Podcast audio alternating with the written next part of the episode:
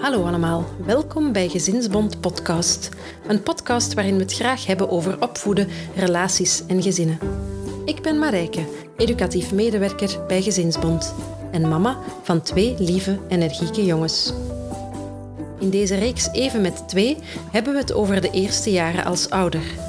Niet alleen verander je zelf als je mama of papa wordt, ook in je relatie met je partner is het opnieuw zoeken en balanceren. We praten in deze reeks met enkele partners en experten. Zometeen ga ik videobellen met niemand minder dan Nina Mouton. Zij gaf op maandag 15 maart een webinar over zelfzorg. De echte zelfzorg, zoals het zo mooi benoemt. Die van voelen wat je voelt en stilstaan bij jezelf. De vragen van de kijkers hebben we gebundeld en een aantal daarvan zullen we vandaag nog even met Nina bespreken. Dag Nina, nog eens heel erg bedankt voor het webinar dat we samen met jou mochten organiseren. En ook bedankt dat we je vandaag nog even kunnen opbellen om enkele bijkomende vragen te stellen. Ja, super graag gedaan. Ik vond het heel fijn om, eh, om het webinar te geven. Het was een uitdaging ook, want ik had het eigenlijk nog nooit uh, gegeven. Jullie hadden mij die vraag gesteld en ik vond het een super toffe vraag om daarover na te denken en uh, dat in te vullen. Dus jullie ook bedankt. Ja, graag gedaan ook. Um, er werden veel vragen gesteld in, uh, in de chat uh, op de avond van het webinar. Uh, dus ik loop er graag nog eens even met jou doorheen. Maar voor we daaraan beginnen, is er nog iets dat je over jezelf wil vertellen, Nina? Oh, zoveel en zo weinig misschien. Um, misschien even zeggen dat ik psycholoog ben en psychotherapeut en vroeger een een praktijk had, maar nu niet meer. Uh, sinds ik mijn boek Mild Ouderschap heb geschreven, gaat het vooral daarover. Over mild ouderschap en over zelfzorg. Want dat is toch wel echt een basis van, uh, ja, van, van in het leven staan en van te kunnen uitreiken naar, naar andere mensen ook. Zonder dat je zelf ook leeggeeft. En dat dan vertaald naar het partnerschap, vond ik een heel fijne oefening om te doen. Want ook, ook wij als partners zijn natuurlijk de basis van ons gezin. Uh, maar nu ben ik aan het afdwalen van, u, van uw vraag. Ik heb ook een man, uh, Sven. En samen, uh, ja, samen zoeken wij doorheen het, het ouderschap en het partnerschap. Ja. En, ja, het is twee, tweezijdig. Hè. En ik ben de professional en ik ben ook degene die, die dagdagelijks zoekt in mijn moederschap, in mijn partnerschap, in, in ons gezin. Ja. En in mijn werk en ja, niet staat vast. En dat vind ik heel uh, bevrijdend om zo in het leven te staan. Om mezelf de zoektocht te gunnen naar, um, ja, naar mezelf en naar verbinding. Ja, ja. Ik denk die authenticiteit, dat, dat uh, de mensen die jou volgen op, op, op sociale media, dat die dat ook wel, wel zullen merken. Hè? Dat inderdaad van een stukje vanuit professionele komt, maar zeker ook van wat dat je zelf voelt en, en ervaart. Hè? Ja, inderdaad. Ja. Oké. Okay. Ja. We hadden het in het webinar, of je had het in het webinar over um, zicht krijgen op uw gevoelens, uh, op uw behoeften en uw noden. Er kwam een vraag van wat als je nu, uh, als uw nood of uw behoefte niet kan, kan worden ingevuld. Um, bijvoorbeeld, je hebt nood aan een luisterend oor van je partner, maar die heeft daar geen ruimte voor. Ja, ja. Um, ik sprak dan over, um, over geweldloze communicatie en dan doe je een verzoek in plaats van dat je uh, een, een bevel stelt aan iemand. Ik heb nu nodig dat jij voor mij dit of dat doet of dat jij luistert naar mij. Maar natuurlijk, het is een verzoek en dus is het inderdaad, um, heeft een andere, uw partner of, of, of iemand anders, het voorrecht om ja te zeggen, maar ook om nee te zeggen. Hè. Het is, het is een, een vraag. Um, wat dat voor mij wel betekent dat als iedereen waar ik mee communiceer of waarvan ik iets nodig heb of die iets nodig heeft van mij, ja of nee kan zeggen, die vrijheid voelt, toch ook echt een... een um, ja, dat is, dat is zo een gemakkelijke basis om die te hebben, omdat als je dan iets krijgt, weet je, het is echt en authentiek en die persoon kan mij dan nu geven, zonder dat ik hier nu nog een keer een schuldgevoel moet hebben of zo. Heel veel mensen lopen hier rond met schuldgevoelens. Of met, oh ja, ik zie dat je maar mijn halve oor luistert. Daar heb je op dat moment niks aan. Of niet, niet genoeg aan. Hè? Dus die, die behoefte wordt dan toch niet vervuld. En dat is natuurlijk niet altijd gemakkelijk om niet op uw wenken bediend te worden. ik zeg het nu tussen, tussen aanhalingstekens, maar dat zien de mensen natuurlijk niet. Ehm, en, en om, om te krijgen wat je op dat moment nodig hebt. Maar dan kunt jij wel in alle vrijheid verder zoeken naar... Oké, ik kan het niet krijgen van mijn partner, maar van wie kan ik het wel krijgen? Of wat kan ik zelf aan mijzelf geven? En zo kunnen we verder zoeken naar hoe dat we onze, ons behoeften kunnen, kunnen invullen. Ja, oké. Het, is een, het is een beetje een, een, een, valkuil dan misschien voor veel mensen die dan starten met die verbindende communicatie, om dan te denken van ja, maar ik heb het nu toch op de juiste manier gevraagd. Hè? Waarom krijg ik dan niet wat ik gevraagd heb? Um, je moet inderdaad openstaan voor alle mogelijke antwoorden die van de andere kant kunnen komen. Ja. Inderdaad, inderdaad. Ja, en, maar dat geeft juist zoveel vrijheid in in die relatie. Omdat wat dat je krijgt is authentiek en wat dat je geeft is ook authentiek. En dat zorgt voor echte verbindingen. Ja. ja.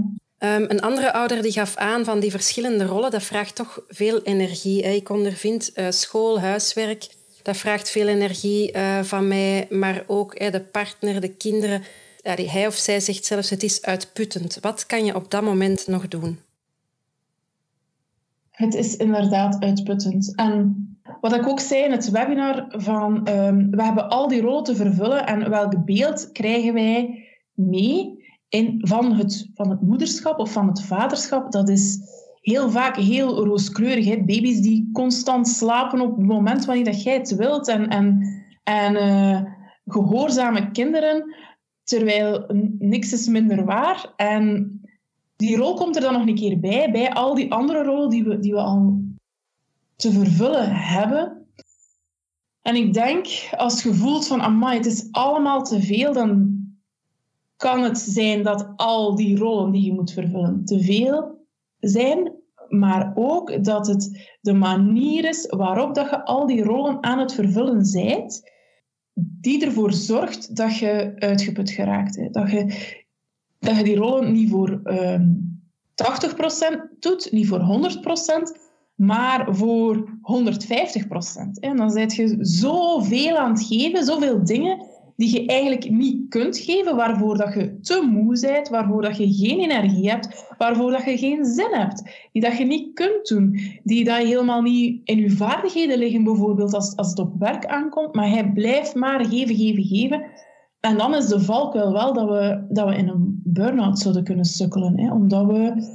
Ehm, op alle vlakken te veel van onszelf geven en te weinig terugkrijgen en te weinig aan onszelf geven. Mhm. Ik bekijk dat nu heel erg psychologisch. Hè. Er zijn natuurlijk ook maatschappelijke kanten aan, bijvoorbeeld. Hè. Ja, te, te weinig um, vaderschapsverlof als, als moeders pas bevallen zijn, bijvoorbeeld. Of uh, scheef bekeken worden als je je vaderschapsverlof durft opnemen uh, op je werk. Ehm, dus ik bekijk het heel erg psychologisch en heel erg individueel. Ik weet ook uh, dat, dat er mensen zijn die niet kunnen minder werken, bijvoorbeeld, of die niet kunnen veranderen van job. Mhm. Zeker nu in de coronacrisis, de jobs liggen niet voor het rapen. Of, eh. dus um, dus het, is, het is echt super lastig. Het is altijd al super lastig, maar nu met die coronacrisis nog een keer extra. En ik denk dat we daar op individueel vlak zeker iets mee kunnen doen, maar dat we ook het gevoel moeten krijgen dat we gedragen worden door de maatschappij in het groot, maar ook door onze, dat we steun ehm, kunnen krijgen van onze, van onze mini-dorp, van onze kleine maatschappij rondom ons. Um, onze familie en onze vrienden en, en ons werk. En, ons, en dat doet ook al heel veel. En ik, daar, daar wringt er ook heel vaak van alles. Maar wat je dus zelf kunt doen, is kijken van, ben ik zo iemand die heel veel geeft, die te veel geeft in al die rollen? En wat kan ik daarin dan uitbalanceren? Moet ik het ook allemaal zelf doen? Wat kan ik doorgeven? Um, hoe kan ik mijn partner betrekken? Wat wil die doen? Mhm. Die balans proberen terug een beetje in evenwicht te brengen. Ja. Wat dat voor elke zin ook, ook anders is. Hè. Ik zou heel graag een stappenplan kunnen geven van weet je wat, doe dit en dit en dit. Maar dat werkt niet. Dat zag ik ook in mijn praktijk. Van ja, voor de ene uh, werkt het om minder te gaan werken, maar voor de andere juist helemaal niet. Of voor de ene werkt het om, uh, om iemand te hebben die, die de poets en de strijk doet, maar voor iemand anders is dat dan weer heel ontspannend. Mm -hmm. dus eh, op welk vlak wilt jij en kunt jij u laten helpen en door wie? Dat kan ook al heel veel verschil maken. Ja, een beetje daar, daarbij aansluitend was er ook een, een ouder die uh, worstelt uh, met de ambitie voor de job. En je zegt van inderdaad, sommige mensen hebben het net, net nodig hè, om, om daarop in te zetten. Hè. Dus uh, zij, zij of hij zegt van hey, ik, heb, ik heb echt wel ambitie om mijn job te doen en, en goed te doen. En ik heb het gevoel dat ik mij daar ook continu moet bewijzen wel. maar ik voel ook aan dat de combinatie gezin, job, verbouwingen, dat dat eigenlijk te veel is op dit moment.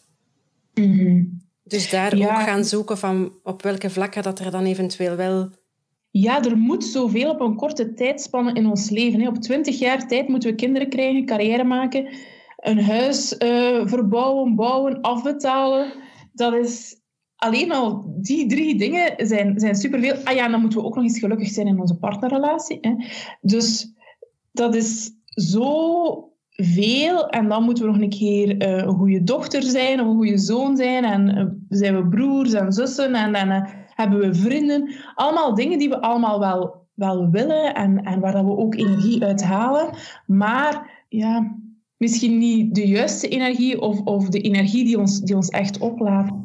Dus zo kijken van inderdaad, ja, wat, wat kan er wat zijn de mogelijkheden? En niet te veel kijken naar dat doodlopend straatje. Maar wat zijn wel mogelijkheden? En, en wat als ik nu een keer wild denk, wat zou ik dan doen? Hè? Wat, mhm. wat, als er barrières zijn, wat zou ik dan willen doen? En hoe kan ik dat toch een beetje implementeren in mijn, in mijn leven? Tijd is zo'n kostbaar goed. Hè? Mhm. Dat, is, dat is echt het, de rijkdom van, van deze, deze tijd. Dat we tijd hebben om te verbinden met onszelf, om te verbinden met onze kinderen, om te verbinden met de mensen die, die we graag zien. En dan zwiert corona daar nog een keer een, een laagste moeilijkheid op. Dus het, het zijn echt wel lastige, lastige en vaak ook eenzame tijden. Ja, absoluut. Ja. Ehm, eigenlijk hoor ik je ook wel een beetje zeggen van ambitie, dat is niet verkeerd. Dat is eigenlijk iets wat, wat wel oké is, zolang dat het maar authentiek aansluit bij wie dat je bent en wat dat je eigenlijk wilt op al die verschillende domeinen dan. ambitie om um, voor je job, maar ook voor je gezin en voor... Er wordt vaak zo scheef gekeken. Er wordt altijd scheef gekeken. Heb je ambitie op vlak van je werk, dan wordt je scheef bekeken, want allee, en uw kinderen dan en uw gezin dan? Of oeh, je gaat niet, uh, vier vijfde werken of je neemt geen moederschaps- of vaderschapsverlof. Allee. En als je dan thuis blijft voor je kinderen voor een tijd, dan is het ook niet goed. Want ja, gaat jij toch een goede job? En waarom, waarom stopt je daar nu mee? Dus het is nooit goed. Voor de buitenwereld is het nooit goed. Wat is er goed voor jezelf? Kijk daar naar. Dat is het beginpunt. Wat is, wat is goed voor jezelf? Wat werkt er voor u, voor uw gezin, voor je kinderen. Dat is de basis. Wat dat al de rest daarvan vindt, dat zijn hun oordelen. En ik weet dat dat, dat, dat eenzaam kan aanvoelen, zeker als die oordelen zo van, van mensen komen die dat je graag ziet of waarvan dat je eigenlijk geen oordeel wilt, maar alleen maar steun. Mhm. Maar begin bij de basis en als je van daaruit kunt vertrekken, dan, uh, ja, dan staat je al heel sterk. Ja. Er was ook iemand die vroeg, wat als je het moeilijk vindt om hulp te vragen? Want hey, je behoefte uiten is toch ook altijd een beetje vragen om hulp. Ja, inderdaad. En ik denk dat dat echt diep gewortelde patronen zouden kunnen zijn, als we het bekijken vanuit de psychologie, omdat ja, hulp vragen is iets heel kwetsbaar. Hè? Als je hulp vraagt en dan krijg je een nee, dan zijn dat vaak de mensen die, als ze het moeilijk hebben om hulp te vragen, die dat heel persoonlijk op zich pakken. Hè. Die niet kunnen het onderscheid maken tussen er komt een nee op die vraag, maar niet op mij persoonlijk. En dan komt dat heel erg diep binnen en dan is dat, um, ja, dan is dat iets, dat is dan een trigger. Dan voelt je van, amai, dat zit hier zo diep in mij. Dat ligt eigenlijk niet aan die persoon, want die persoon mag gerust nee zeggen. Maar als ik hier nu een nee krijg, dan is dat echt... Ja, dat is alsof dat ik even wegval. Alsof dat ik even niet meer besta. En dat zijn dan dingen die we echt wel... Dat zijn dan patronen die we echt wel kunnen terugbrengen op vroeger, vanuit je jeugd, vanuit je kindertijd. Omdat je bijvoorbeeld heel vaak tekstel op je neus hebt gekregen, omdat je heel erg vaak zelfstandig moest zijn of zelfstandig werd opgevoed, terwijl dat, dat misschien nog niet echt leeftijdsadequaat was op mhm. dat moment, wat er van u werd verwacht. Hè. En die patronen bekijken en doorbreken, dat is voor mij echte zelfzorg. Want dan weet je, oké, hier liggen mijn blauwe plekken, dat zijn mijn triggers. En als ik dit voel, dan kan ik op dat moment voor mezelf zorgen. Want ik kan voelen van, oké, dit is een blauwe plek, dit is hier mijn klein kind dat voor mij komt komt springen en die komt vechten voor mij en die kwaad wordt of verdrietig wordt of bang wordt. Want we hebben allemaal een klein kindje in ons die ervoor zorgt, eh, ons, ons innerlijke kind, die blij kan zijn, maar die ook wel gekwetst kan rondlopen. En als je zo voelt dat je groter of grootser reageert dan iemand anders of dan in een andere situatie, dan is het heel vaak dat klein kind dat voor ons komt, uh, komt strijden en, en, en niet afgeeft en, en kwaad komt zijn of verdrietig komt zijn of bang komt zijn. En daar kun je vanuit de psychologie echt heel veel mee. Mhm. En dat is mij dus echt de zelfzorg. En dat is dus niet het in badje gaan en uh, kaarsjes zetten rond je bad. Hè. Dat, kan, dat is me-time voor mij. Maar dat is geen zelfzorg. Zelfzorg is voor mij echt uh, draait om zelfkennis. En als je dat dan nog een keer kunt implementeren in je partnerrelatie, als je dan nog een keer kunt kijken samen van oké, wat zijn uw blauwe plekken en wat zijn mijn blauwe plekken? En hoe spelen die op elkaar in? Mhm. En hoe komen wij toch altijd maar in diezelfde discussies terecht? Dat, dat, is, dat is zo dat. Dan... Ehm, ja, dan zit je ook heel erg goed aan het zorgen voor je partnerrelatie. Ja, dat is mooi. Dus eigenlijk iemand die vraagt, wat als ik het er moeilijk mee heb, die is al goed bezig, want die beseft dat ze het er moeilijk mee heeft. En dat is de eerste stap, denk ik. Hè? Ja, ja de eerste stap is herkennen en dan erkennen voor jezelf, ik heb het er moeilijk mee. Want wat doen we heel vaak ook? Ik mag het er absoluut niet moeilijk mee hebben. Hè? Want dan ben ik zwak of dan ben ik niet perfect. Of dan hè, al die ideeën die in ons hoofd zitten, waarvan dat we dan super streng zijn over onszelf. Dat is helemaal niet nodig. Je moogt iets niet goed kunnen. Mhm. Je kunt daar iets mee. Hè? Je, kunt, je kunt daar verandering in brengen. En dat is juist het fijne. Maar daarvoor moet je het eerst herkennen wat, wat, u, wat dat niet zo goed lukt. En erkennen voor jezelf dat het er is. Mm je hebt het daar straks al eens even gehad over schuldgevoel. Uh, er was ook een mama die veel last heeft van schuldgevoel als ze tijd neemt voor zichzelf. Ik wil zoveel mogelijk bij de kinderen zijn, zegt ze. Ook als we samen thuis zijn, dan doen we graag spelletjes uh, samen of we spelen samen. Ja, wat, wat kan ik doen om daarmee om te gaan? Mm Onder schuldgevoel ligt er vaak een basisgevoel, een basisemotie, want schuldgevoel is geen basisemotie. Schuld en schaamte, dat ligt heel vaak over die basisemoties. En als je dan gaat kijken naar, wat ligt er daaronder? Angst, kwaadheid, verdriet of blijdschap. Heel vaak niet dat laatste, maar heel vaak wel ehm, angst. Angst voor, ik ga geen goede mama zijn als ik nu tijd neem voor mijzelf. En die angst, dat is eigen aan het ouderschap. Hè. Uh, we zijn allemaal bang als mama of als papa dat we het gaan verknoeien. We zijn allemaal bang dat we onze kinderen gaan opzadelen met, met van alles en nog wat, wat we niet hebben bedoeld. Hè. Nu, ik zeg altijd in alle eerlijkheid, we gaan dingen verkeerd doen. En we gaan ja, onze kinderen gaan vroeg of laat met dingen afkomen waarvan dat ze zeggen: Oh, mama of papa, ja, jong, dat vond ik toch echt niet oké, mijn opvoeding. En vroeger had ik het idee: ik moet hier de perfecte mama zijn, want anders ga ik mijn kinderen pijn doen. Eh, psychologisch ehm, pijn doen of, of, of met mijn trauma's opzadelen. En dus, als ik niet de perfecte mama ben, ja, dan gaat het, dan gaat het mislopen. Maar nu, na al die jaren mild ouderschap, En na dat uit te zoeken en uit te werken, kan ik voor mezelf zeggen, dat is mijn doel niet meer. Mijn doel is wel, als het gaat over lange termijndoelen, als het gaat over die angst die we allemaal hebben om het te verprutsen, die angst kunnen we niet helemaal wegnemen, omdat het zo eigen is aan die rol die we vervullen, dan denk ik, mijn, mijn lange termijndoel is dat mijn kinderen kunnen komen zeggen wat ze gemist hebben of wat ze niet leuk vonden. Ehm, of ja, waar, waar dat zij hun blauwe plekken hebben opgelopen als het gaat over mijn moederschap.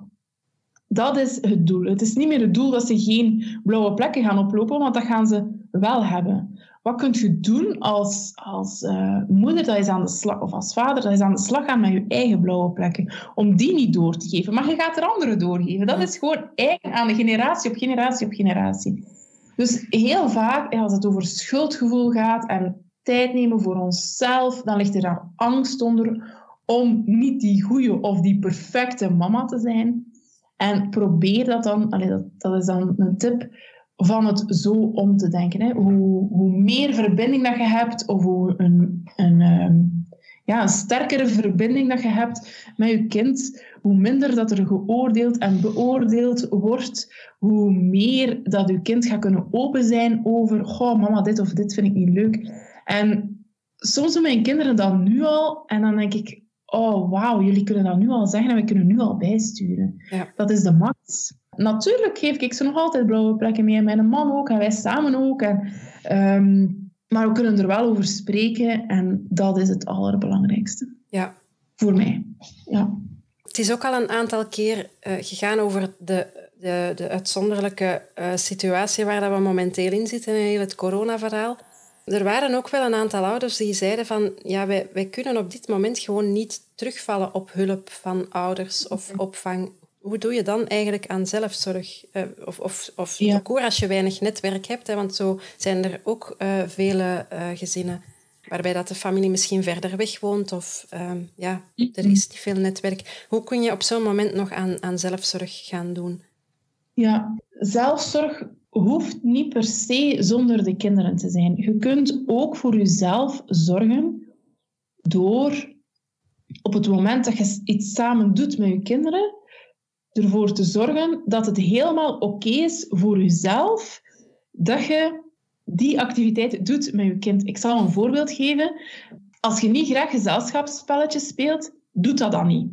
Ik zie heel veel mensen, heel veel ouders, toch die dingen doen waar dat ze absoluut een hekel aan hebben, maar ze doen het toch voor de kinderen. Dat hoeft helemaal niet. Op dat moment zit je niet voor jezelf aan het zorgen en op dat moment zien de kinderen ook dat je dat eigenlijk niet graag doet. Dus dat is, dat is niet zo heel erg authentiek. Mhm. Het zou authentieker zijn als je samen zoekt naar wat kunnen we nu samen doen waar we allemaal iets aan hebben. En op dat moment zit je ook al voor jezelf aan het zorgen. En op dat moment zit je aan het aangeven aan je kind, aan het leren aan je kind er zijn grenzen. Ik heb grenzen en ik heb hier nu geen zin in, maar ik wil wel iets doen met jou samen.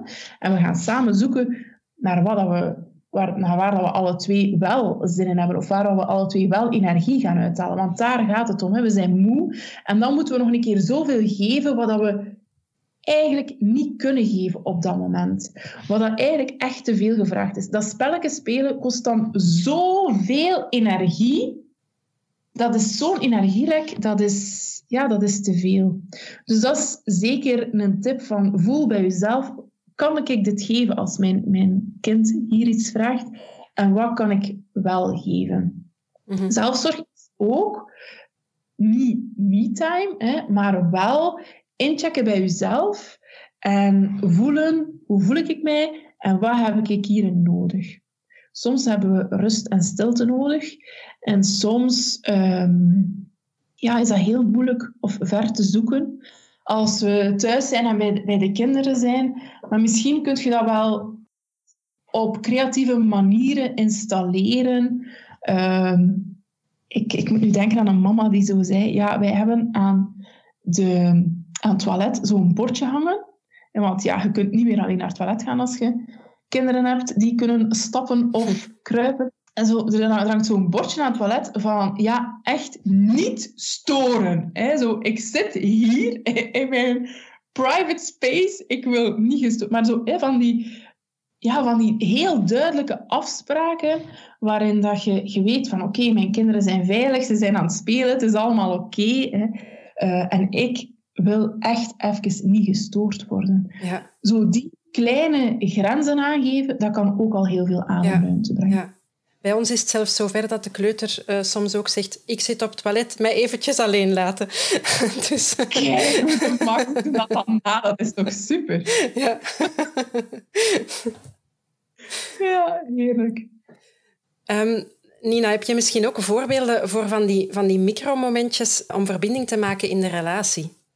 Ja, micromomenten we, denken heel vaak dat het grootste moet zijn om te verbinden, en maar niets is minder waar. En ik denk dat het belangrijk is dat we elkaar zien in die relatie. Het is zo gemakkelijk om, of ja, zo, zo bijna natuurlijk, bijna een oerdrift, om die ehm, aandacht die we hebben op onze kinderen te vestigen. En plots zien we elkaar echt niet meer staan. Allee, echt letterlijk zien. Dus ja, elkaar, elkaar begroeten, elkaar een kus geven, elkaar een knipoog geven. Zien dat je elkaar hebt gezien, kan, kan al enorm veel doen. Hè. Dat een andere niet part is van je decor of zo, hè, maar, maar dat dat ook nog altijd een persoon is die, die, er, eh, die er is. Um, bijvoorbeeld na het eten samen nog, nog wat aan tafel zitten of um, sms'en naar elkaar. Ook die kleine dingen, dat kan soms... Ja, dat, dat, dat kan soms hup, weer juist die verbinding creëren die dat je nodig hebt. Ja. Even um, ja, tijd. En dat, dat, dat kan dan... Een knipoog, dat is een, een halve seconde. Hè. Ja. Dus dat moet allemaal niet heel lang duren. Maar zie wat er voor jullie, voor jullie werkt en wat dat er... Uh, ja, Wat dat ik denk een van de koppels waar dat ik mee in, gesprek ging, ook voor de koppelpodcastreeks die we ook maken, die vertelde van als we zo ons liedje op de radio horen, dan sturen we zo'n WhatsAppje van nu naar die post luisteren. En dan, oh. dat is zo, als je, met dat je zegt van een sms sturen of zo, dat, dat deed me er eigenlijk aan denken. Dat is zo een, een momentje, denk ik. Ja, ja, inderdaad. Dat is echt, uh, dat is echt perfecte momentje. Hè. Ja, zalig. En dan weten dat een ander ook naar die post aan het luisteren ja. Dat is toch ja. ja. Er waren ook nog wel wat vragen uh, over die ja, geweldloze of verbindende communicatie. Uh, wat, wat als je partner daar um, emotieloos op reageert of op reageert van ja, dat is allemaal een beetje te veel, te veel doekjes er rond. Um, eh, als je merkt van oké, ik doe heel hard mijn best om, om, om verbindend te communiceren, maar ik stoot daar elke keer op een muur. Ik denk dat het dan belangrijk is om te kijken of dat je je partner hebt meegenomen in dit hele verhaal. Ik had ook een vraag op de chat van ja, maar als ik zo een verzoek doe aan mijn man, dan fronst hij keihard zijn wenkbrauwen en kijkt hij echt zo van, maar hoe spreekt jij nu tegen mij? zo, zo van, ja, zo, alsof dat ik een of ander buiten naar het zwezen ben of zo. Ehm, en ik denk dan dat uw partner niet mee is in het verhaal, in het hele verhaal van geweldloos communiceren. Want inderdaad, als je dat nog nooit hebt gedaan en plots begint je zo met ik voel dit en ik heb nodig dat en ehm, ik zie dit en, en wilt je alstublieft dit doen? Ja, dan komt dat inderdaad een beetje buitenaards over. Dus probeer die mee te pakken in dat hele verhaal. Laat die meekijken naar de webinar bijvoorbeeld. Mhm. Ehm, maar die snapt dan waarschijnlijk het belang niet van op deze manier communiceren. Uh, wat, wat het belang is voor de relatie en voor u. Uh, dus um, het is vaak zo. Hè. Ik ga het nu heel stereotyp zeggen, maar het is vaak zo dat, dat de vrouwen omtrent psychologie de, um, de nieuwe informatie binnenbrengen. Hè. En uh, we moeten onze man dan, hè, als het gaat over een, eh, een partnerrelatie als man en vrouw, even meepakken in dat nieuwe verhaal. Uh, ik zie dat gebeuren bij mild ouderschap en ik zie dat ook gebeuren uh, als het gaat over zelfzorg. Ja, die mannen komen wel mee, Maar wij moeten wel even het nieuwe gegeven aankaarten of zo. Ja. Even duidelijk maken, voor, voor mij is het belangrijk dat ik vanaf nu ga vertellen wat ik voel en zo, eigenlijk. Ja, een beetje. Voilà. En uh, kunnen we dat samen exploreren? Want misschien kun jij dat ook wel doen. Hè? Misschien is dat ook wel iets, iets voor u. Um, en mannen kunnen dan rap zo zeggen van, ja, zeg al die zever. Hè. Um, maar het... Al die psychologische zever. Maar het, het brengt vaak toch wel veel, veel, um, veel rust en veel openheid. En mannen moeten... Ik ben nu echt stereotyp aan het, aan het zeggen. Hè. Uh, reken mij hier niet op af, alsjeblieft. maar uh, mannen moeten vaak resultaat zien. Hè.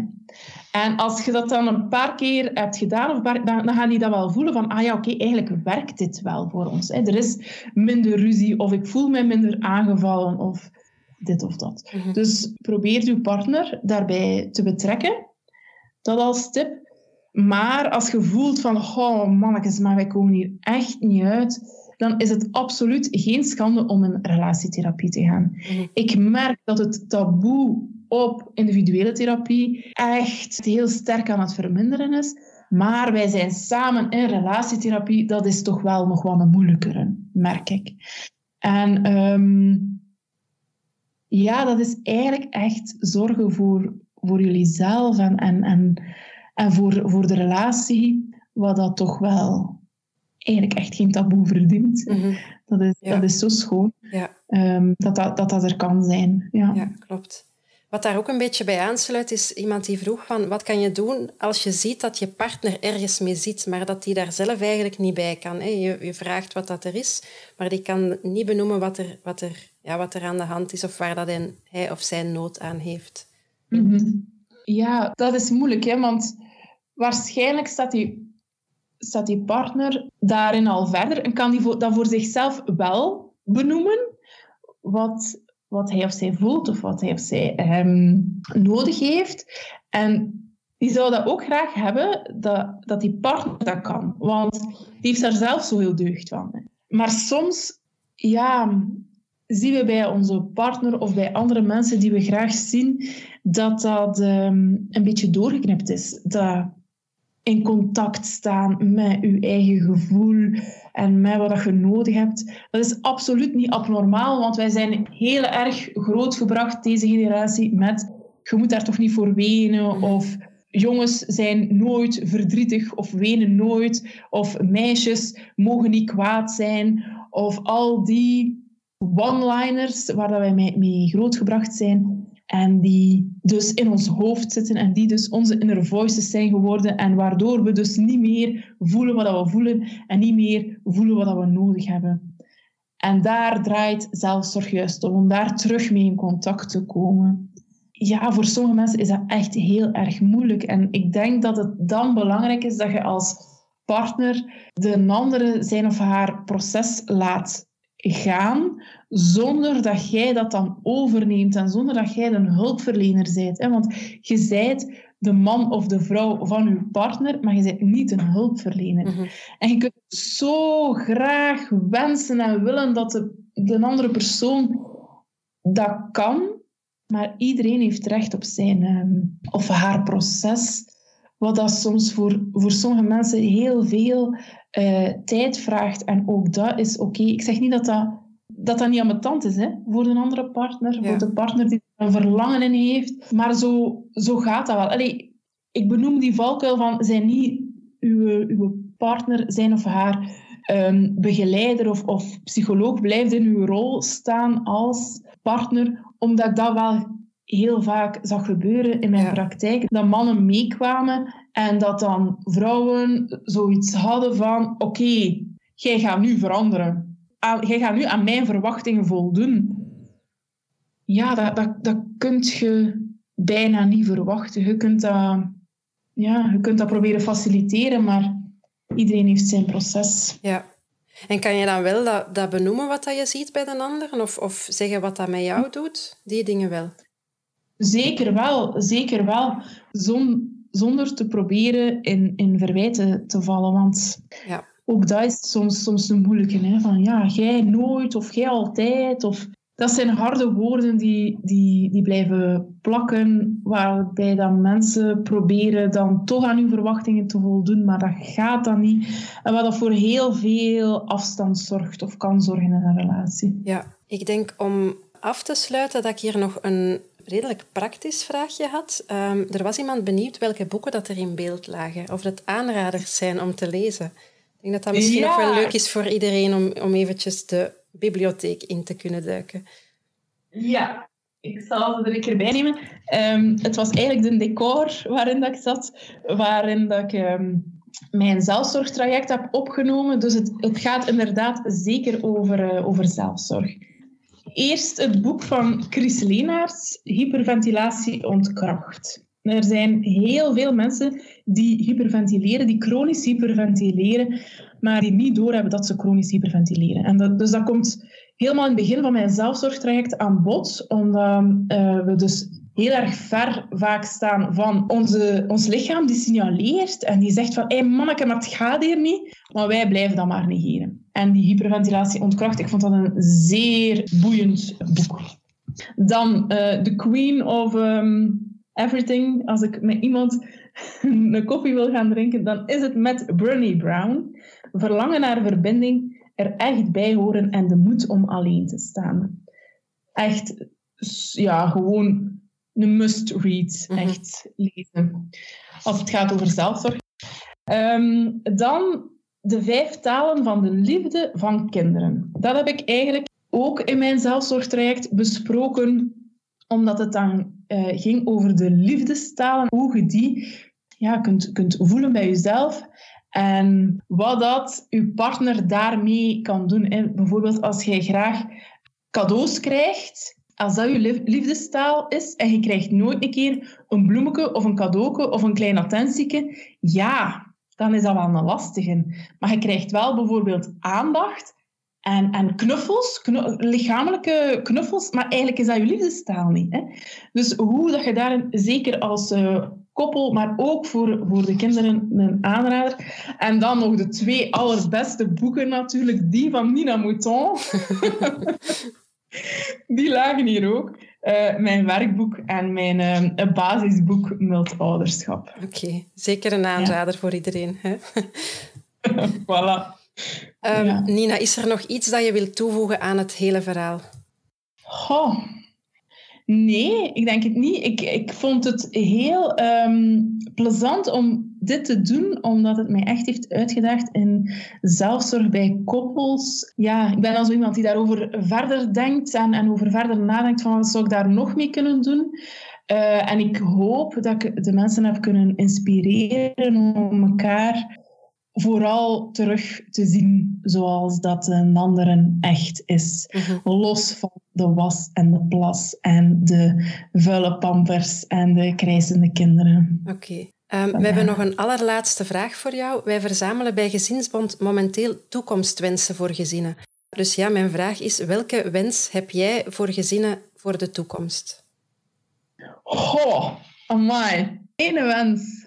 Uh, een milde wereld. Ja, dat klinkt nu super cheesy, maar echt waar. Ik geloof als we beginnen met onszelf in ons gezin, om daar een mildheid te installeren, dat wij echt voor onze kinderen, dat is mijn groot levensdoel, een mildere wereld kunnen creëren. En het is gezin per gezin en moeder per moeder en vader per vader die we daarin kunnen, kunnen meekrijgen en opvoeder per opvoeder. En ik, ik wens jullie dus een milde wereld binnen jullie eigen kleine wereld, maar ook echt op de aardbol. Ik denk ja. dat dat een hele mooie wens is om, uh, om af te sluiten. Uh, Nina, echt super hard bedankt nog eens voor, voor het, uh, het boeiende gesprek vandaag. ook voor het webinar. ja, dank je wel voor alles wat dat wij mogen horen van jou. Dat is heel graag gedaan. Dit was het weer voor vandaag. Wil je in de toekomst nog meer van deze podcast beluisteren? Abonneer je dan in je favoriete podcast-app en mis geen enkele aflevering van Gezinsbond Podcast. Laat ons weten wat je ervan vindt via een recensie in je favoriete podcast-app of stuur een mail naar podcast.gezinsbond.be. Wil je op de hoogte blijven van de laatste updates? Volg ons dan op Facebook en Instagram. Zin om nog wat meer te lezen? Neem dan een kijkje op goedgezind.be. Zo, Iedereen thuis, bedankt om te luisteren en tot de volgende keer.